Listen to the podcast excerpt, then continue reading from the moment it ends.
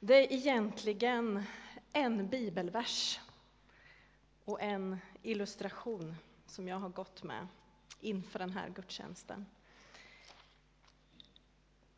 och burit på, som jag tror att Gud vill säga till oss, påminna oss om.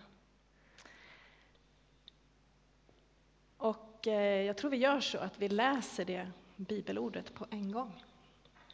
Det är Hebreerbrevet 4 och 2.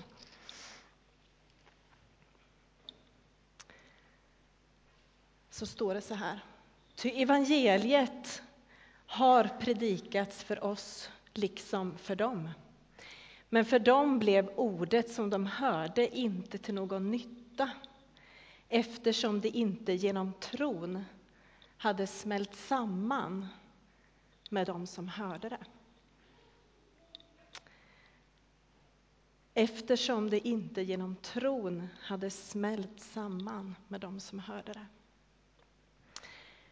Gud har gett dig ditt liv, den du är. Här har vi dig.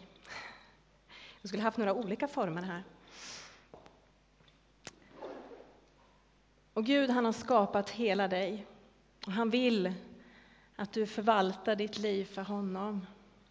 Att vi gör det, det liv han har gett oss. Han har en tanke för ditt liv, en plan. Han har skapat dig till precis den du är. Och han vill få vara den han är i dig, i ditt liv, i mig, i mitt liv. Och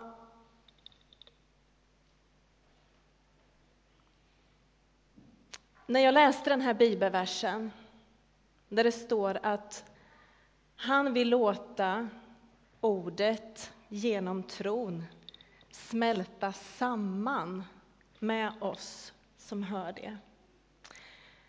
Så påminner det mig om att Gud han är intresserad av hela vårt liv, de vi är.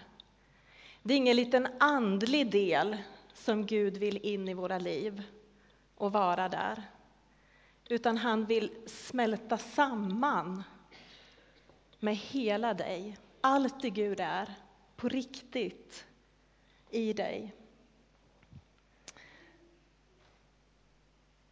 Och nu skulle jag egentligen haft två olika illustrationer här då, haft en hård yta på det här.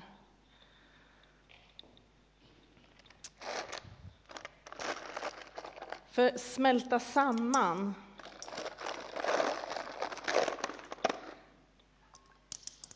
ska se vad som händer med det här.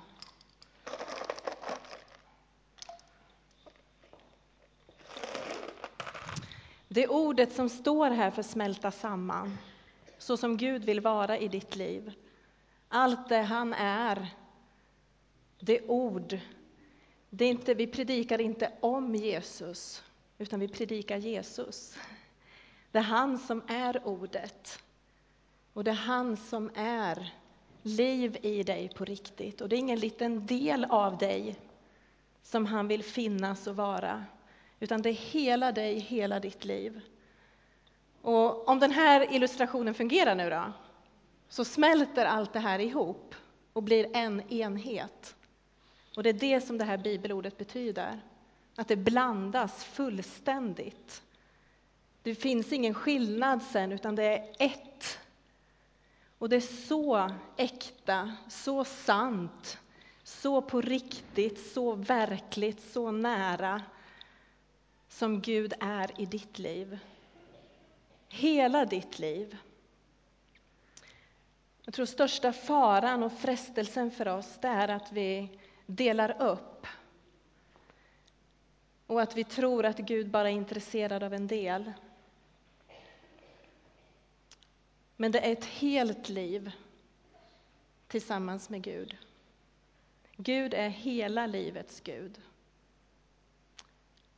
Där han är den han är i dig. Och när du sätter tro till vem Gud är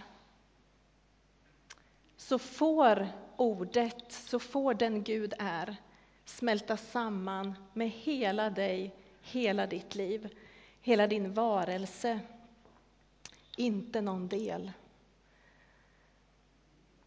Och nu står ju det här ordet som vi läste i en det står ju att de, det var ett exempel på att ordet inte blev till nytta eftersom det inte genom tron hade smält samman med dem som hörde det.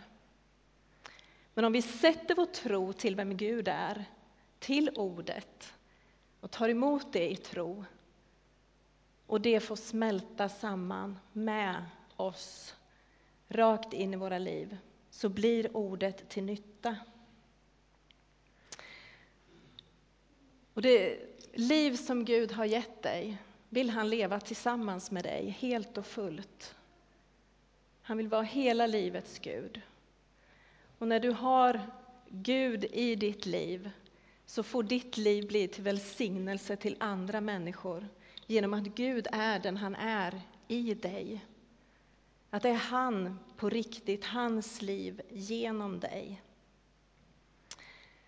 Så att den han är får bli ett med dig, fullständigt förenat, totalt smälta samman. Det blandas till en enhet. Och vi ska läsa Hebreerbrevet 6 och 7 också. står det så här. Ty en åker som dricker regnet som ofta faller på den och som ger god gröda åt dem som den brukas för, den åken får välsignelse från Gud. Så kan du också se på ditt liv som en åker, där allt ifrån Gud, den han är, att du får dricka utav det regn som Gud ger, som faller på den, bara suga åt. Och så får det bli till gröda. Det får bli någonting gott utav det ur ditt liv, att Gud får leva genom dig. Och när jag läste det här bibelordet om att ordet får bli till nytta genom att det smälter samman genom tron i våra liv, så tänkte jag på Johannes 15, där Jesus uppmanar oss till att förbli i honom. Det är liksom det med livet, det som livet med Gud handlar om, att vara i honom. Han får vara i dig fullständigt. Och där talas det om att i Johannes 15 om att vara i honom, förbli och vara kvar. Att precis som grenen sitter fast i stammen så är det så vi är i honom. Och att vi kan ingenting göra utan honom. Men när vi är i honom, han får vara den han är i oss. Och vi väljer att vara kvar där så står det att han bär frukt genom våra liv. Så han vill att vi ska vara i honom. Han vill få vara den han är i oss. Inte uppdelat på något sätt, utan hela vårt liv.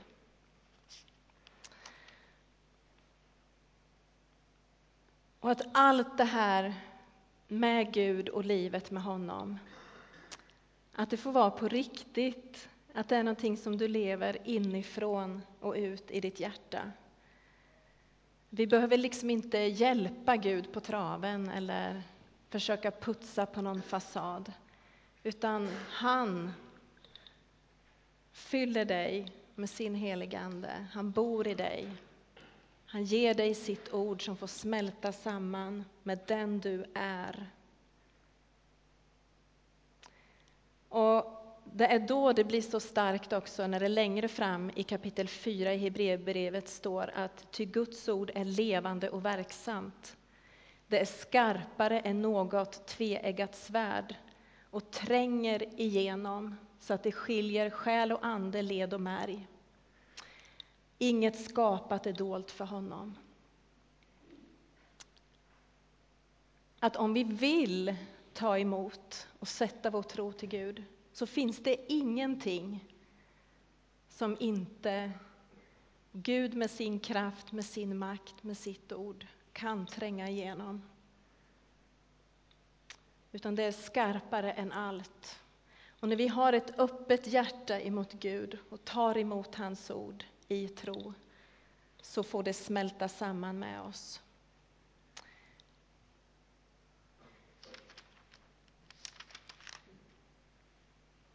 Och det här som står i Hebreerbrevet 4 och 2. Det stod ju i en negativ mening när vi läste. Det var ett exempel på att man hade hört evangeliet predikats, men att det inte blev till någon nytta eftersom det inte genom tron hade smält samman. Och det står berättat om att det var Israels folk som fick vandra i öknen och det löfte Gud hade gett dem att få komma in i löfteslandet. Det var en generation som inte fick vara med om det för att man inte höll sitt hjärta till Herren. Utan det blev som en hård hinna som gjorde att man höll ordet borta. Det fick inte smälta samman. Och därför lyfts det fram som ett exempel. Att det finns exempel på att det har blivit så här att ordet inte blev till nytta. Och nu är uppmaningen att låta ordet få smälta samman och bli till nytta. Och I kapitel 2 och 1 så står det så här. Eftersom det här exemplet nu finns om den här GT-olyckan. Därför måste vi så mycket mer ta fasta på det vi har hört så att vi inte driver bort med strömmen. Så att vi inte går miste om det som Gud vill. Att vi inte driver ur vår kurs. Utan att det som Gud har tänkt med ditt liv, att det får ske genom att han är den han är. Och då står det så här i vers 7 i tredje kapitlet. För det som är vitsen med det som står i den här uppmaningen, att det här exemplet finns om att de gick miste om Guds löfte. Men uppmaningen finns nu, idag, att ta emot Guds ord och låta det bli till nytta. Och då står det så här i kapitel 3 vers 7. Därför säger den helige Ande, idag, om ni hör hans röst, så förhärda inte era hjärtan.